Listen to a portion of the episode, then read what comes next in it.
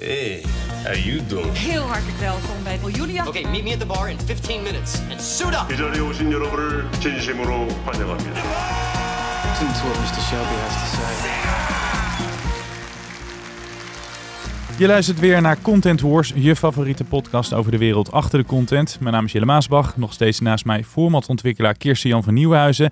En we zijn er een week eerder om het te hebben over een format waar we het in aflevering 7 ook al over hadden. Maar nu om heel andere redenen. The Voice, het laatste Nederlands wereldsucces op formatgebied, ligt onder vuur, een understatement. Het programma is van de buis gehaald en dat allemaal vanwege een explosieve uitzending van Boos. Ja, hallo en welkom bij Boos. Je gaat kijken naar een uitzending over vermeend seksueel grensoverschrijdend gedrag en machtsmisbruik, gekoppeld aan talentenshow The Voice of Holland. Ja, bijna anderhalf uur duurde die. Kirsten en ik zaten ja, niet op dezelfde redactie, wou ik zeggen, maar we hebben hem allebei uh, zitten kijken. Genoeg te bespreken, want is het format van The Voice nog te redden en gaat de fusie tussen RTL en Talpa nog wat duur? Ja, dat doen we niet samen, want in de studio hebben we ons Ruud Hendricks, een van de grondleggers uh, van RTL, daarna uh, lid van de raad van bestuur van Endemol, journalist, ondernemer. Ja, jouw cv is zo lang. wat heb je niet gedaan? Krijg je als je zo oud bent, als je de 100 langzaam nadert. Ik ben bijna 63, dan, ja, dan heb je een lang cv, ja. Dank dat je er bent. My pleasure. Ja, die uitzending die heeft voor nogal veel stof doen opwaaien. Um, veel beschuldigingen. Op een gegeven moment is besloten door RTL om het programma maar uh, uh, ja, op te schorten.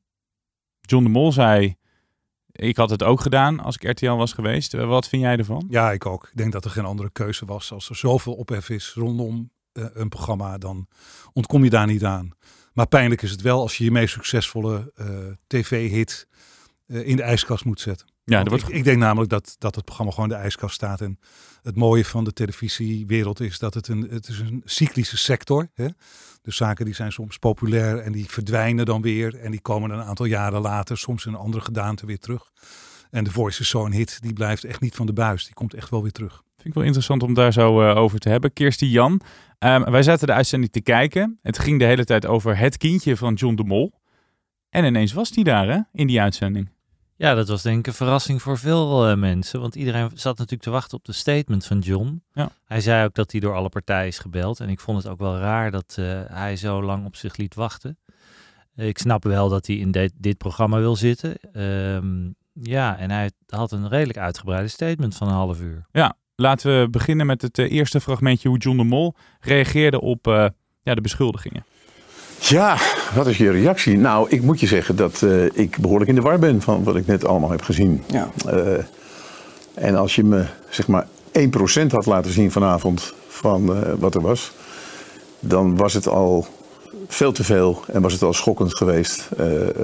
maar het is veel meer dan dat. Ja. Dus ik ben daar wel een beetje in de war van, ja. Ja. ja had je verwacht dat hij zou reageren? Nee, dit is de enige manier waarop je kan reageren. En ik vond dat hij het nog redelijk licht aanzetten. Je moet uh, natuurlijk uh, volledig in shock zijn als je weet dat er vier, hè, we hebben het over vier machtige mensen in dat programma. Het gaat niet om één persoon, maar om vier mensen. En daar vond ik ook dat er te weinig over werd gepraat. Dat het een, een structureel probleem is in dit programma. Want als vier van de machtige personen in, in zo'n show hun macht misbruiken, dan is er wel structureel iets mis. En dat vond ik eigenlijk veel te weinig aan bod komen. Ja, het ging wel over de cultuur. Laten we even meeluisteren naar dat fragment. Maar als niemand wat zegt, dan kunnen wij niks doen. En ik vind het te makkelijk om dan te zeggen, ja, niemand durft wat te zeggen, omdat er een angstcultuur is. Want uh, die herken ik niet en die weiger ik ook, die die weiger ik ook te accepteren. Maar als slachtoffers zeggen, zo voelen wij dat wel en daarom hebben we niet aan de bel getrokken, zeg jij niet, dat neem ik van jullie nee, aan, omdat, dat anders. Ja, wel, dat neem ik wel aan. Dus gaan we kijken hoe wij uh, omstandigheden kunnen creëren om dat kennelijk, dat laatste drempeltje wat er dan kennelijk nog is, ook nog weg te halen. Maar het is wel een breder probleem dat vrouwen uh, niet snel uh, melding maken van dit soort zaken dan alleen bij de Voice. Dat is echt wel een, een, een, een, een bijna landelijk breed probleem. Ook van mensen die in het bankwezen of wat dan ook lastiggevallen worden. Vrouwen hebben kennelijk een soort schaamte. Ik, weet niet wat het is, maar ik, ik wil me er graag in verdiepen. Want pas als je het snapt kun je er wat aan doen om te kijken hoe we dat kunnen oplossen. Maar ik kan nu het alleen maar verwoorden in een oproep. Praat, zeg het. Ja, we gaan niet alle opmerkingen van John de Mol bespreken, maar Twitter ontplofte daarna. Want hij legt eigenlijk de verantwoordelijkheid bij de slachtoffers neer, bij de vrouwen neer. Dat de vrouwen eh, moeten opstaan. Terwijl je, ik zou kunnen zeggen, pak het probleem bij de wortel aan. En nou goed. Ehm, Ruud, dit is wel de media gebeurtenis, hadden we het net over. Heb jij ooit in je tijd bij RTL of Endemol meegemaakt dat het programma zo onder vuur lag als, als The Voice op dit moment? Ehm, nee, mij staan een paar dingen bij. Ik weet nog dat eh, ooit in de jaren zeventig, maar ik ben al heel oud, hè, zo begonnen we deze. Je hoeft het niet te benadrukken, je ziet er niks van. Was, uh, was een uitzending van Vragenvuur bij uh, de AVRO, gepresenteerd door mijn grote mentor en ooit allerbeste vriend Weile Jaap van Meekeren. Die stelde aan Hans Wiegel, die net weduwnaar geworden was, een vraag over. die, hij was toen minister of, er, of, er, of de uitkeringen aan, aan weduwen niet, moest, niet moesten worden verhoogd, iets dergelijks. En die barstte in tranen uit. En uh, heel Nederland viel over Jaap heen dat hij die vraag niet had mogen stellen. En Jaap heeft daar een paar dagen later ook zijn nederige excuses voor aangeboden. Mijns inziens overigens onterecht. Want als je minister bent dan, en je gaat ergens zitten, ja, dan, moet je, dan, dan moet je je over dat soort persoonlijke dingen heen kunnen zetten. We hebben natuurlijk heel veel, heel veel uh, kritiek uh, voorbij zien komen over Big Brother toen dat uh, werd geïntroduceerd. Toen zat ik nog in de raad van bestuur van Endemol. Ja. Maar dit is wel een uniek gegeven. Ja. Ik heb overigens de uitzending, moet ik even bijzeggen, niet, van Boos niet gezien. Ik ben de enige Nederlander, denk ik, die dat niet heeft kunnen zien. Omdat een goede vriend bij mij kwam die een probleem had waar ik even naar moest luisteren. Dus vandaar. Ja, ja. we praten hier tijdens deze aflevering um, wel bij. Ja. Maar um, ja, de manier waarop RTL heeft ingegrepen, had je zo uh, ook ingegrepen. Dus het programma tijdelijk opschorten. En nou, in jou, ik, ik, ik proef eigenlijk uit jouw eerdere opmerking dat je het in de ijskast zou zetten en het later dus weer zou Ja, maar ik ben er ook heilig van overtuigd dat The Voice komt terug. Want dit is zo een enorme hit dat uh, in de televisiewereld laat je die niet zomaar lopen. En het, voor alle duidelijkheid, wat hier is gebeurd ligt niet aan het format. Daar zijn een aantal mensen op een vreselijke manier de fout in gegaan. Maar de, die formule blijft ongekend fantastisch. En ik denk ook dat de impact in financieel opzicht in het buitenland heel zal zijn. NBC gaat echt de Voice niet in Amerika van de buis halen, omdat hier nee. uh, een bandleider zich heeft misdragen en nog een paar andere uh, mensen in de jury zitten of die in die stoelen zitten ook. Dat, dat gaat echt niet gebeuren. De belangen zijn ook veel te groot. En ik denk ook, zoals jij er net al aangaf, dat uh, de beoogde fusie tussen zeg maar, SBS en, en RTL, die gaat hier echt niet, niet onder lijden. Die gaat echt wel door, want de belangen zijn veel te groot om die uh, te laten wegvallen. Het format is inderdaad dus niet besmet. Nou, internationaal, mochten daar geen misstanden plaatsvinden, zal het ook uitgezonden worden. Ja.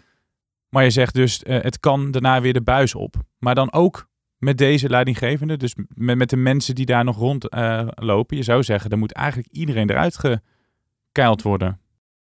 Ja, ik, nogmaals, ik heb de uitzending niet gezien, dus ik weet niet wanneer die problemen, wanneer dit alles zich heeft afgespeeld en hoeveel van de mensen hier toen verantwoordelijk waren daar nog steeds zitten. Het, is, het lijkt me duidelijk dat mensen als Borsato en Ali B, zelfs al zouden ze onschuldig zijn, hè, want ze zijn volgens mij nog verdacht, maar niet uh, mm -hmm. veroordeeld, dat je die moeilijk daar kunt handhaven.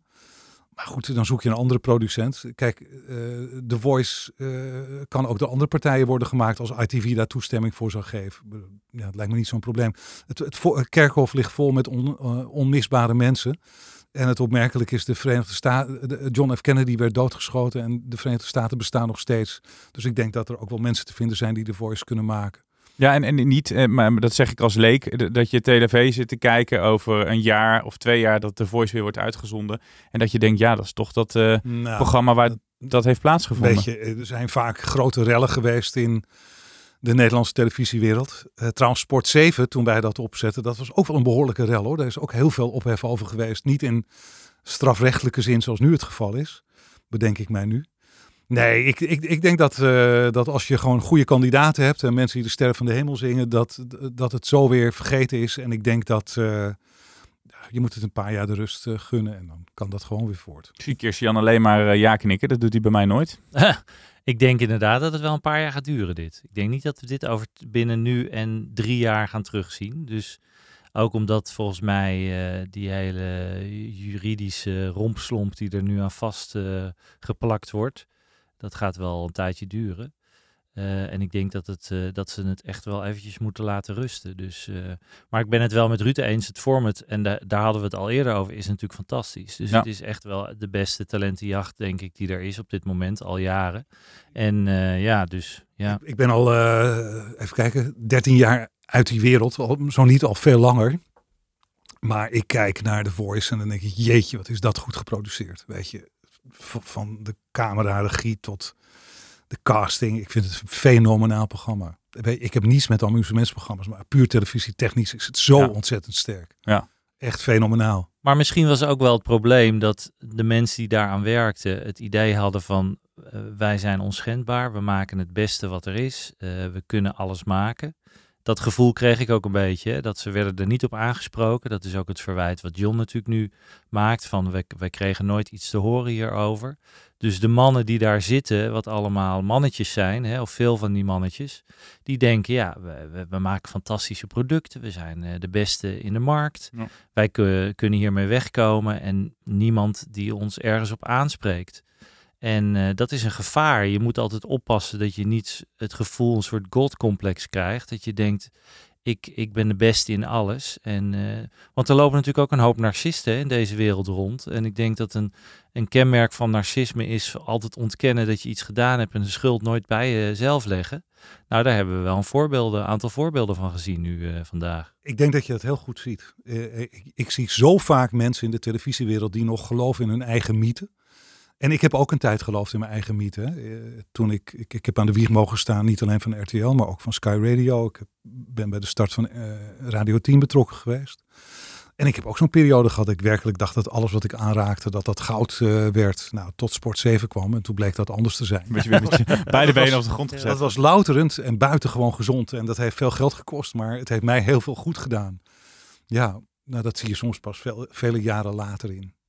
Ehm, Tim Hofman heeft met Boos nu een bommetje gedropt. Die heeft eh, de misstanden bij The Voice aan de kaak gesteld. Eerder deed hij dat al met een ander RTL-programma, De Villa.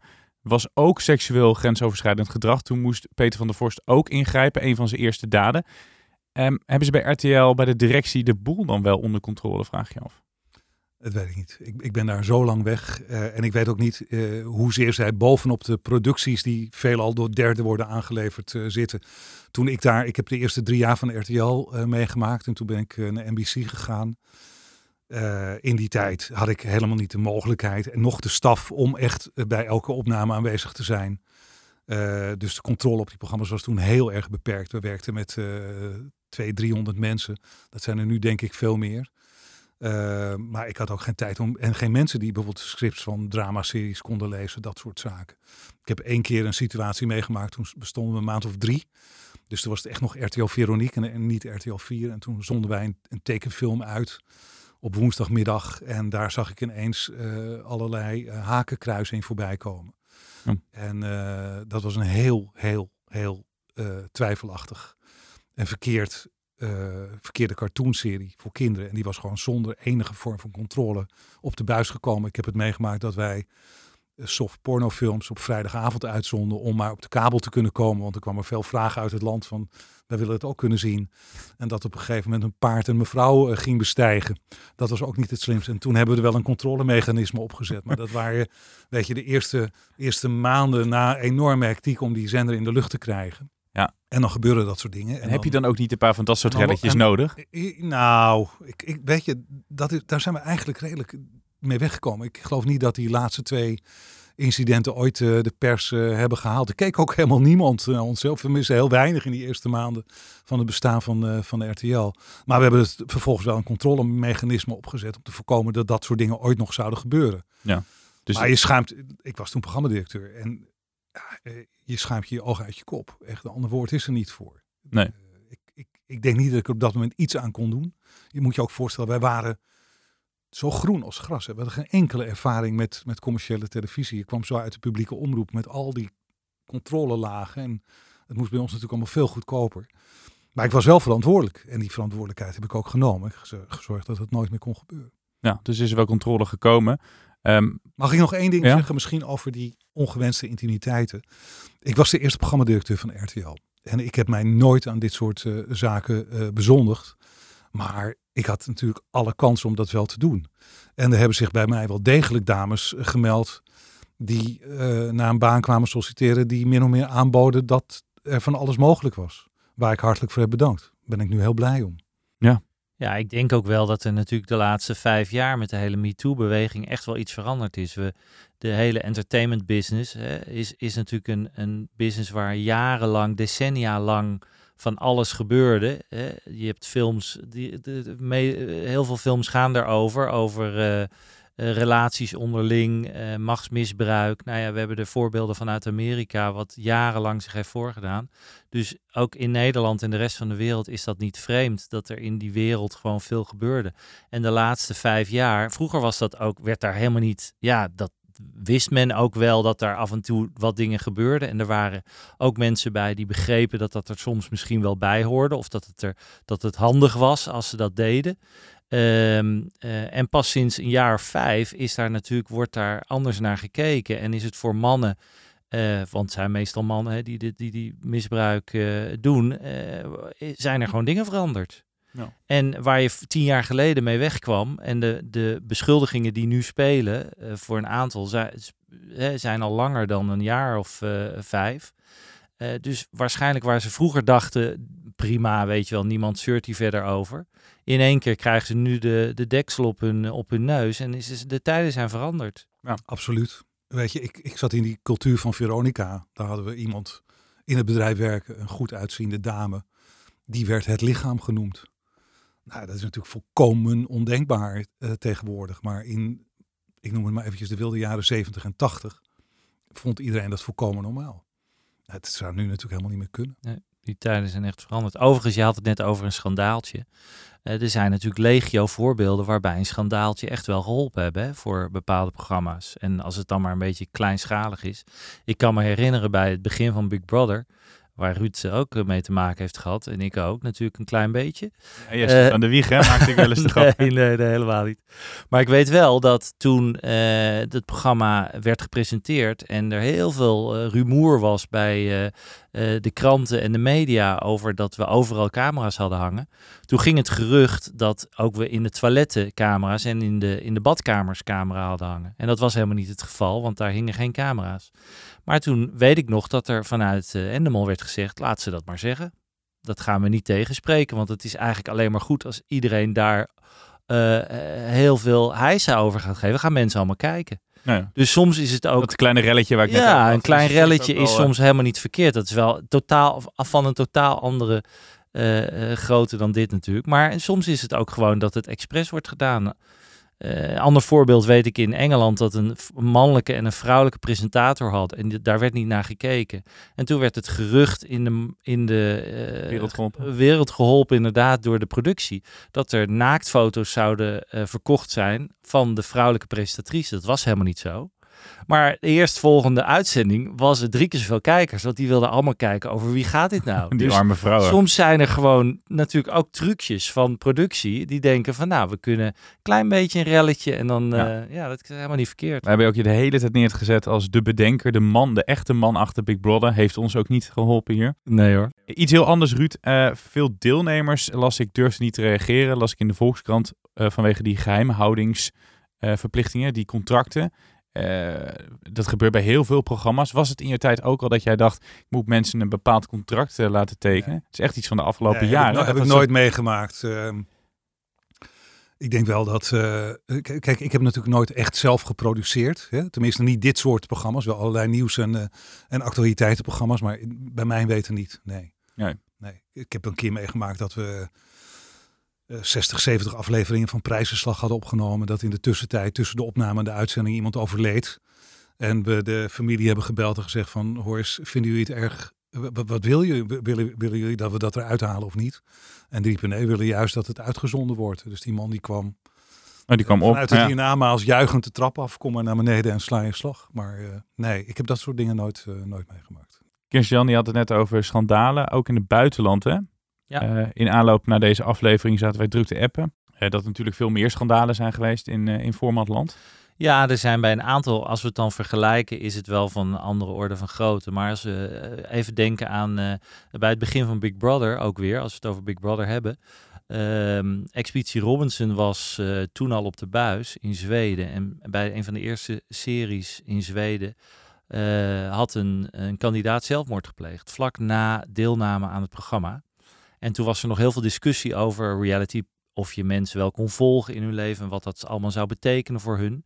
En uh, daar zijn, is toen heel veel discussie over geweest. Ik weet niet of, of, of jij dat ook nog weet, Ruud. Dat ja, uh, dat staat me inderdaad bij. En daar was ook, uh, er schreven ook journalisten over van het is toch gevaarlijk wat je doet. Deze man was eruit gestemd en kon daar niet mee omgaan en is toen voor de trein gestapt.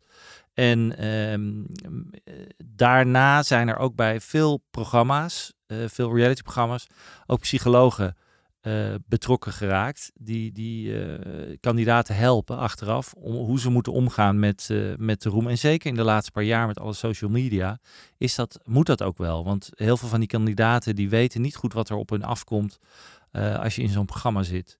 Dus dat is een voorbeeld geweest, al een tijd geleden. Een ander voorbeeld is bij uh, Who Wants to Be a Millionaire, uh, waar het programma verder niet zoveel aan kon doen, maar er is ook een film over gemaakt. Geweldige film. Geweldige film over het, een, een koppel wat vals speelde in Engeland. Ik geloof dat die serie The Quiz heette. Ja. Is this cheating? It isn't cheating. I think it's cheating. They're cheats. It's giving an advantage. This is theft. We're placing you both under arrest. I'd hope that I'd notice if someone's trying to steal a million quid two feet in front of Oh, what, coughing? I didn't even want to go on the show. God damn it! I didn't cheat. So what did you do? Dat was een kandidaat die, uh, die ging vals spelen en die haalde, die verdiende heel veel geld. En later kwamen ze erachter de productie. Uh, dat hij inderdaad, dat zijn vrouw of een, een, iemand anders in het publiek zat te kuchen bij een bepaald, uh, als hij de antwoorden doornam. En uh, dat is ook een grote rel geweest. Um, maar omdat het programma daar niet zo heel veel aan kon doen, heeft het het programma niet geschaad in dit geval. Dat is wel aardig, want ik heb de quiz uh, gezien, de film gezien. En ik heb destijds geprobeerd om dat bedrijf voor Endemol te kopen. Celador was Celador, ja. En uh, uh, ik heb toen ik die film zag wel gedacht van, goh, uh, zou dat die formule nou op een enorme manier nog uh, geschaad hebben, dit schandaal, hè? want dat kwam in Engeland naar buiten. Maar ook Who Wants to Be a Millionaire is gewoon doorgedraaid. Je hebt ooit, in Amerika had je de 64.000 dollar question. En de producenten van dat programma in de jaren 50 al, da daar werd een, in, in Nederland heette het trouwens de 64.000 gulden vraag. Daar zat iemand in zijn eentje in een soort plastic koker. En wat daar werd gedaan is dat daar, daar werd de verwarming fors opgestookt. Zodat als de, de, de vraag waar je 64.000 uh, gulden kon verdienen werd gesteld. Dat je het zweet letterlijk van hun voorhoofd af zag lopen. Maar daar heeft dus ook allerlei fraude plaatsgevonden. En dat programma werd dus ook van de buis gehaald, hè, omdat dat helemaal misging. Uh, en dat was ook gewoon een paar jaar later weer gewoon wereldwijd te koop en te zien. Uh, nu natuurlijk met allerlei garanties uh, om, omgeven. Maar daarom ben ik er ook zo heilig van overtuigd dat de Voice gewoon terug gaat komen. Ja, en in het buitenland uh, zullen zij nu denken, daar, misschien moeten wij ook kijken als het al in het land gebeurt waar het is bedacht. Misschien moeten wij hier ook kijken of het hier wel de allemaal koosje aan toe gaat. Denk je dat ze de controles scherper dan nog gaan stellen? Ja, maar weet je, er wordt zo ontzettend veel televisie geproduceerd op het moment dat het bijna onmogelijk is als je 200 afleveringen van een gameshow opneemt. Het is gewoon lopende bandwerk. Ja, daar glippen wel eens dingen uh, doorheen. Overigens is over die, dat incident bij de 64.000 dollar question is ook een film gemaakt. Uit mijn hoofd zeg ik die heet The Game Show. Dus de quiz en de game show, die moeten jullie eventjes ja. uh, ergens gaan opzoeken. Ja, naar aanleiding Waarschijnlijk van... vind je ze nergens meer behalve op de Pirate Bay. Nou ja, naar aanleiding van, jou, van dit voorbeeld is er overigens wel wat veranderd in Amerika. Want naar aanleiding van dat schandaal uh, is de procedure in Amerika veranderd om fraude tegen te gaan bij quizshows. En moeten de vragenmakers altijd meerdere sets van vragen maken. En dan is er een onafhankelijk persoon die kiest een van die sets van vragen die ze moeten spelen. Ja. Waardoor dus de kandidaat van tevoren kunnen ze moeilijk alle sets vragen gaan doornemen. Dus dat is naar aanleiding daarvan. En Amerika is sowieso strenger daarin. Want in Amerika heb je ook bij bijna alle programma's externe vertrouwenspersonen. Uh, die als er zoiets voordoet als hier bij The Voice, mm -hmm. uh, kandidaten daar uh, naartoe kunnen.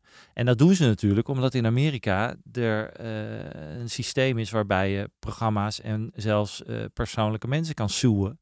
En dat ja, kan. Claimcultuur daar ja, is. Claimcultuur en echt tientallen miljoenen. Uh, dus dat, is, dat zou in Nederland uh, misschien ook een idee zijn. Maar oké, dan ben ik dus kennelijk te naïef. Maar jullie zeggen eigenlijk allebei over een paar jaar gaat de Voice hier weer gewoon eh, van start. Eh, nieuwe coaches waarschijnlijk, Ja, nieuwe mensen Nieuwe daar. regisseur ook. Ik vind het heel opmerkelijk. Ik hoor nergens de naam van die regisseur. Je zou toch zeggen dat als de bandleider aan de schandpaal wordt genageld. Ja, die is wel genoemd de naam. Althans niet bij dit programma, maar Nee, de bij naam die- is inmiddels bekend. Oké. Juice eh, kanalen. Maar inderdaad, je hebt gelijk. Het gaat om eh, Jeroen Rietberg, het gaat om Ali B, eh Marco Borsato en de regisseur. Maar da- daar krijgen we niet de naam van eh, te zien.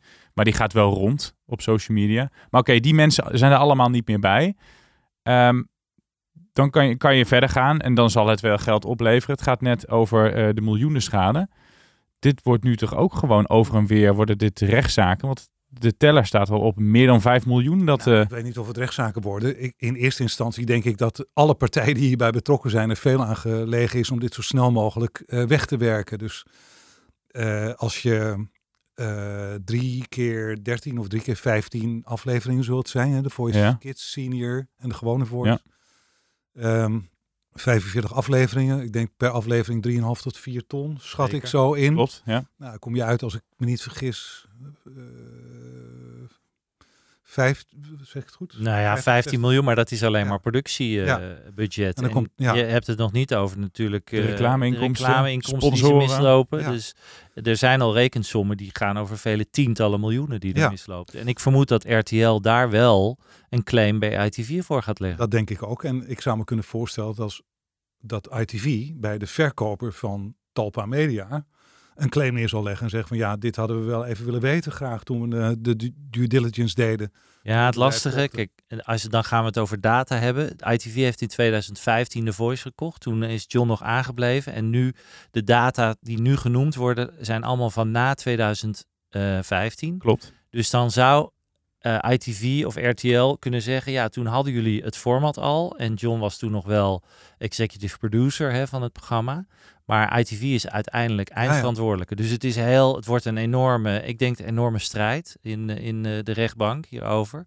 Maar ik, ik kan me niet voorstellen dat RTL dit, eh, dit gewoon over. eh, Nee, dat denk ik ook niet. Maar ik denk, ik, ik zou wel alles aan doen om dit buiten de rechter om te regelen. Ja? Ja, Ja, zeker met de fusie in. Want Ja. dat is natuurlijk de volgende vraag. RTL moet samengaan met, eh, met Talpa dan. Eh, Zeker, maar ik vind dit gedeelte ja. nog wel eh, bijzonder, Ruud. Want jij zegt, we willen het eerst buiten de rechtszaal gaan oplossen. Die, zou die ik in ieder geval, ik weet niet of ze dat willen, maar dat zou ik in ieder geval proberen. Ten eerste omdat je da- des te eerder je die formule, zeg maar, uit de negatieve publiciteit haalt, des te beter is het. ITV eh, is er, is, zal daar ook veel aan gelegen zijn, want die blijven dat programma natuurlijk gewoon in het buitenland produceren en verkopen.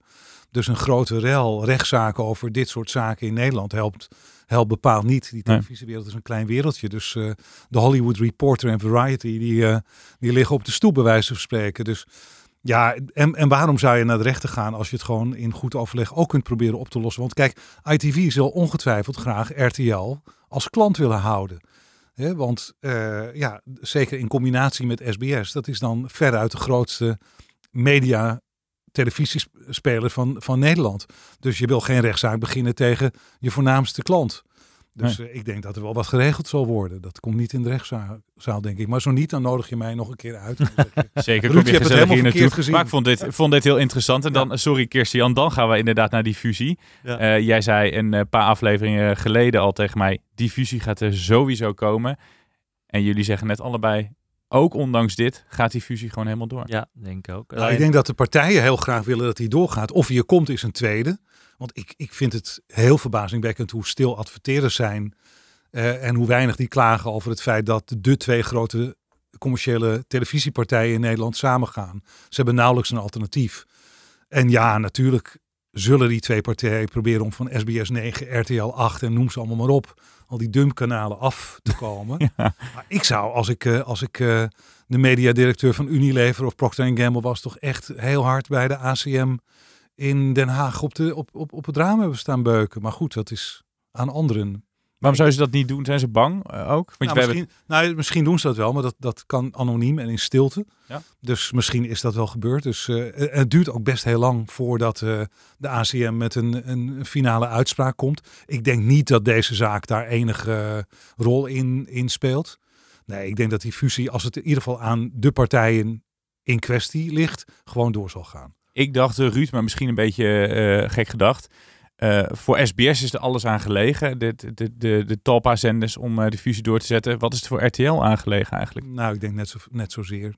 Die, die hebben natuurlijk allebei gewoon heel veel behoefte. Kijk, dit is gewoon een eh, een dying business.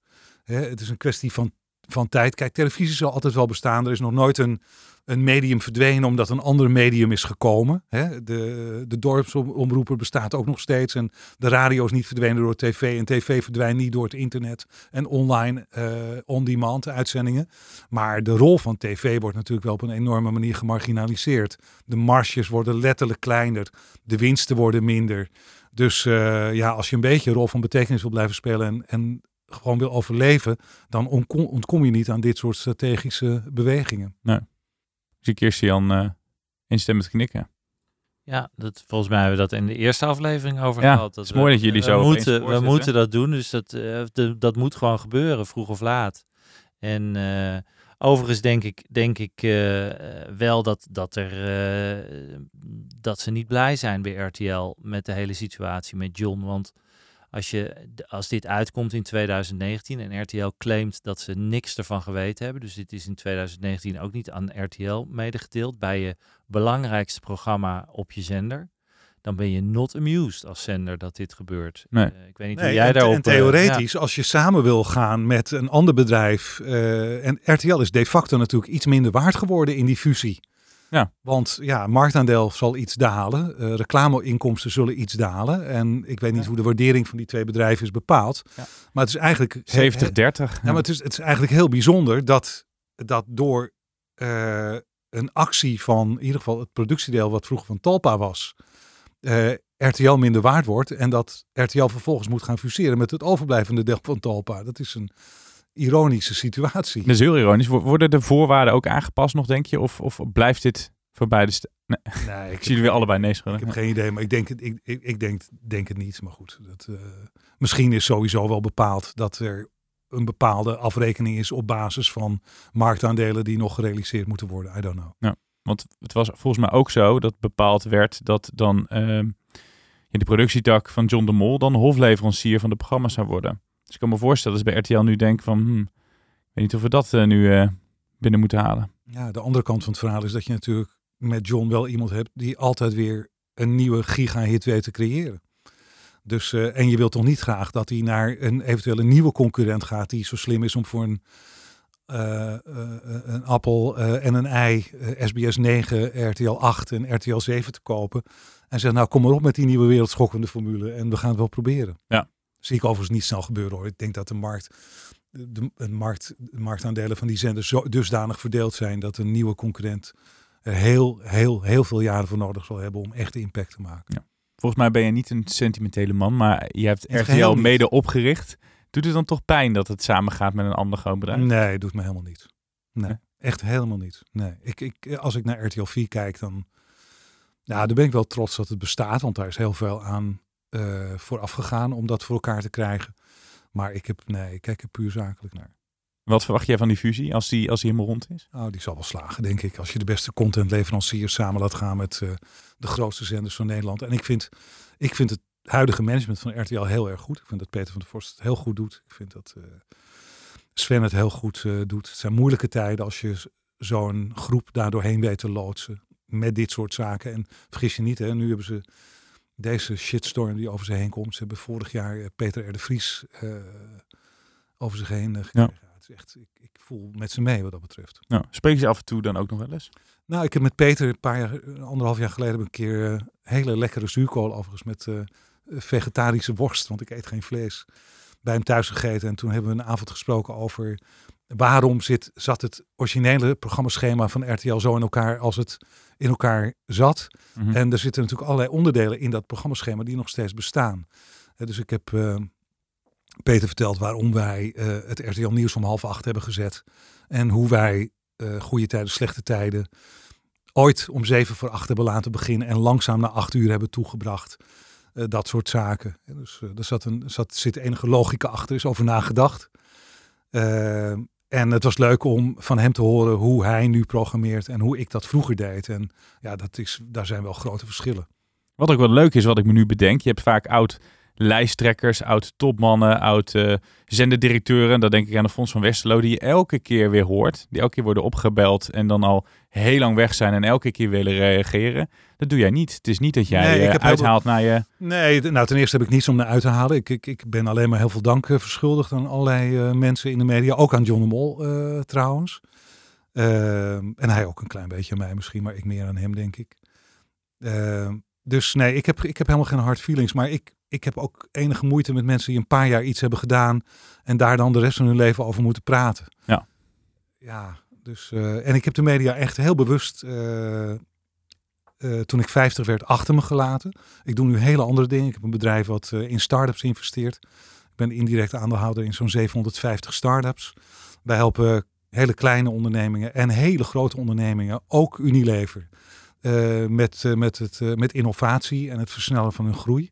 Dat is ontzettend leuk, een hele andere wereld. En ik kan het iedereen aanraden die nu in die mediawereld, als je nou eh, werkt, als je nou Ja. 50 wordt, ga wat anders doen. Dat is ontzettend leuk. Het is een hele andere wereld die daar nog buiten ligt. Ja, je kijkt zo eh, naar Kirsten Jan, die moet het nog worden. Daarom. Ja. Nee, ik ben het al hoor. Echt wel? Ja, Jelle, ja, het spijt me. Zie je er goed uit voor je Ik leeftijd. ben het al, ja. ja.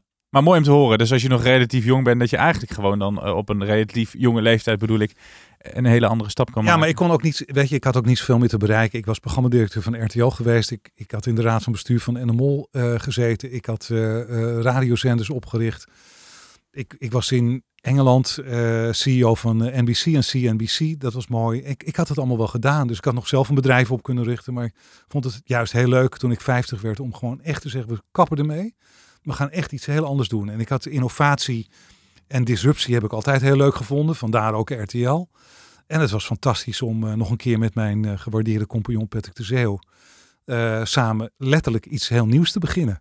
En dat hebben we gedaan. En dat is een, een mooi succes geworden tot nu toe. Ja. Mooi. Ja. Voordat we met jou nog gaan vooruitblikken. Um, Kirsten normaal hebben we altijd een onderdeel in de hoofdrol. Dan bespreken we altijd iemand die in de hoofdrol staat. Nou, nu waren het er meerdere. We hebben Ja. ze net besproken. De mensen die onder vuur liggen. Ja. Eh, de coaches, eh, de bandleider, de regisseur. Maar laten we even de BN'ers eruit pikken. Dus dan heb ik het over Jeroen Riebergen, Ali B, Marco Borsato. Gaan we die ooit nog terugzien, denk jij? Ja, daar ben ik ook wel heel benieuwd naar. Ik denk, ik denk wel dat, het, dat hun carrière een, een eh, heel groot probleem heeft.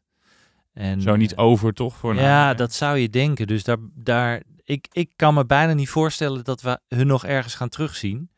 Ehm, want de voorbeelden in het verleden is een heel mooi voorbeeld in Engeland van een beroemde eh, presentator, Michael Barrymore, die heel groot was in Engeland.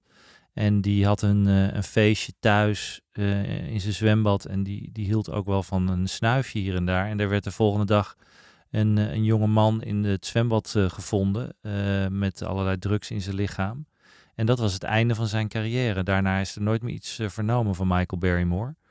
Ehm, dus ja, dit zijn, ook wel, die, dit, zijn ook wel gevallen waarvan je denkt, kan er, kunnen ze nog iets? Dus ik, ik weet niet, of, wat, wat denk jij daarvan, Ruud? Nou, ik denk dat het enige wat je kunt doen is eh, wat eh, Hugh Grant heeft gedaan. Toen hij ooit eh, met een Ja. prostituee eh, ergens op Hollywood Boulevard. Ja, in, in maar dat, was van een hele andere orde, Nee, toch? mee eens. Dat was het volgende wat ik wilde gaan zeggen. eigenlijk leuk dat hij dat toegaf. Zeker, maar die is meteen de volgende avond geloof ik in de Tonight Show gaan zitten. En die is volledig met de billen bloot gegaan. En Ja. ja. Ja. Dat is me heel erg spijt. Dus dat is eigenlijk denk ik het enige wat je kunt doen. Maar dit zit meer in de categorie van Jimmy Savile. Die, eh, Ja, die ja. hè, grote Engelse, zeg maar eventjes de Henny Huisman van, van Engeland. Die eh, na zijn overlijden kwam er enorm hoeveelheid kindermisbruik en dergelijke Ja. eh, naar buiten. Ja, daar is bijna niet aan te ontkomen. Een ander voorbeeld in die categorie is Charles Swietert. Ik weet niet of jullie je die kunnen herinneren. Die was ooit, zeg maar, wat eh, Sander van der Wulp nu doet bij het NOS Journaal. Dat deed voorheen Charles Swietert. Die werd gevraagd om staatssecretaris te worden. Die had gezegd dat hij eh, gestudeerd had in Amerika. Dat hij eh, een dokterstitel had. Nou, dat bleek niet het geval te zijn. Ik geloof dat hij vier dagen staatssecretaris is geweest. En toen heeft moeten aftreden. Zijn geloofwaardigheid was eraan en die is naar Thailand verhuisd. Ja. Die is vervolgens gaan studeren om die titel alsnog te behalen. Dat vond ik wel heel knap eh, van hem. En die is een eh, PR-bureau begonnen in reputatiemanagement. Want als ervaringsdeskundige kan je dat soort dingen natuurlijk ook doen. Dat is wel een hele sterke comeback dan. Ja, maar ik denk dat in, in dit geval, dat wordt heel, heel, heel erg moeilijk. Kijk, als je muzikant bent, dan kan je nog onder een schuilnaam eh, misschien andere producties uitbrengen. Ja, sessiemuzikant. Sessiemuzikant kan je nog worden. Maar eh, ja, ik denk dat, eh, dat het heel moeilijk wordt voor iemand als Marco Borsato om hier nog bovenop te komen. Tenzij, tenzij hij wordt vrijgesproken. Hè? Want dat zou natuurlijk allemaal Ja, nog kunnen. dat- Want er wordt hier van uitgegaan dat Ja. de slachtoffers Laten we inderdaad hebben. zeggen, ze zijn maar ze zijn hè? nog verdacht. Hè? Ja. Dus, eh, Ja. en ja, ik... Maar zelfs dan, hè, wat, zelfs dan, zelfs als je vrijgesproken wordt, is een interessante kwestie natuurlijk. Kan je dan met zo'n imagoschade, kom je daar dan nog bovenop?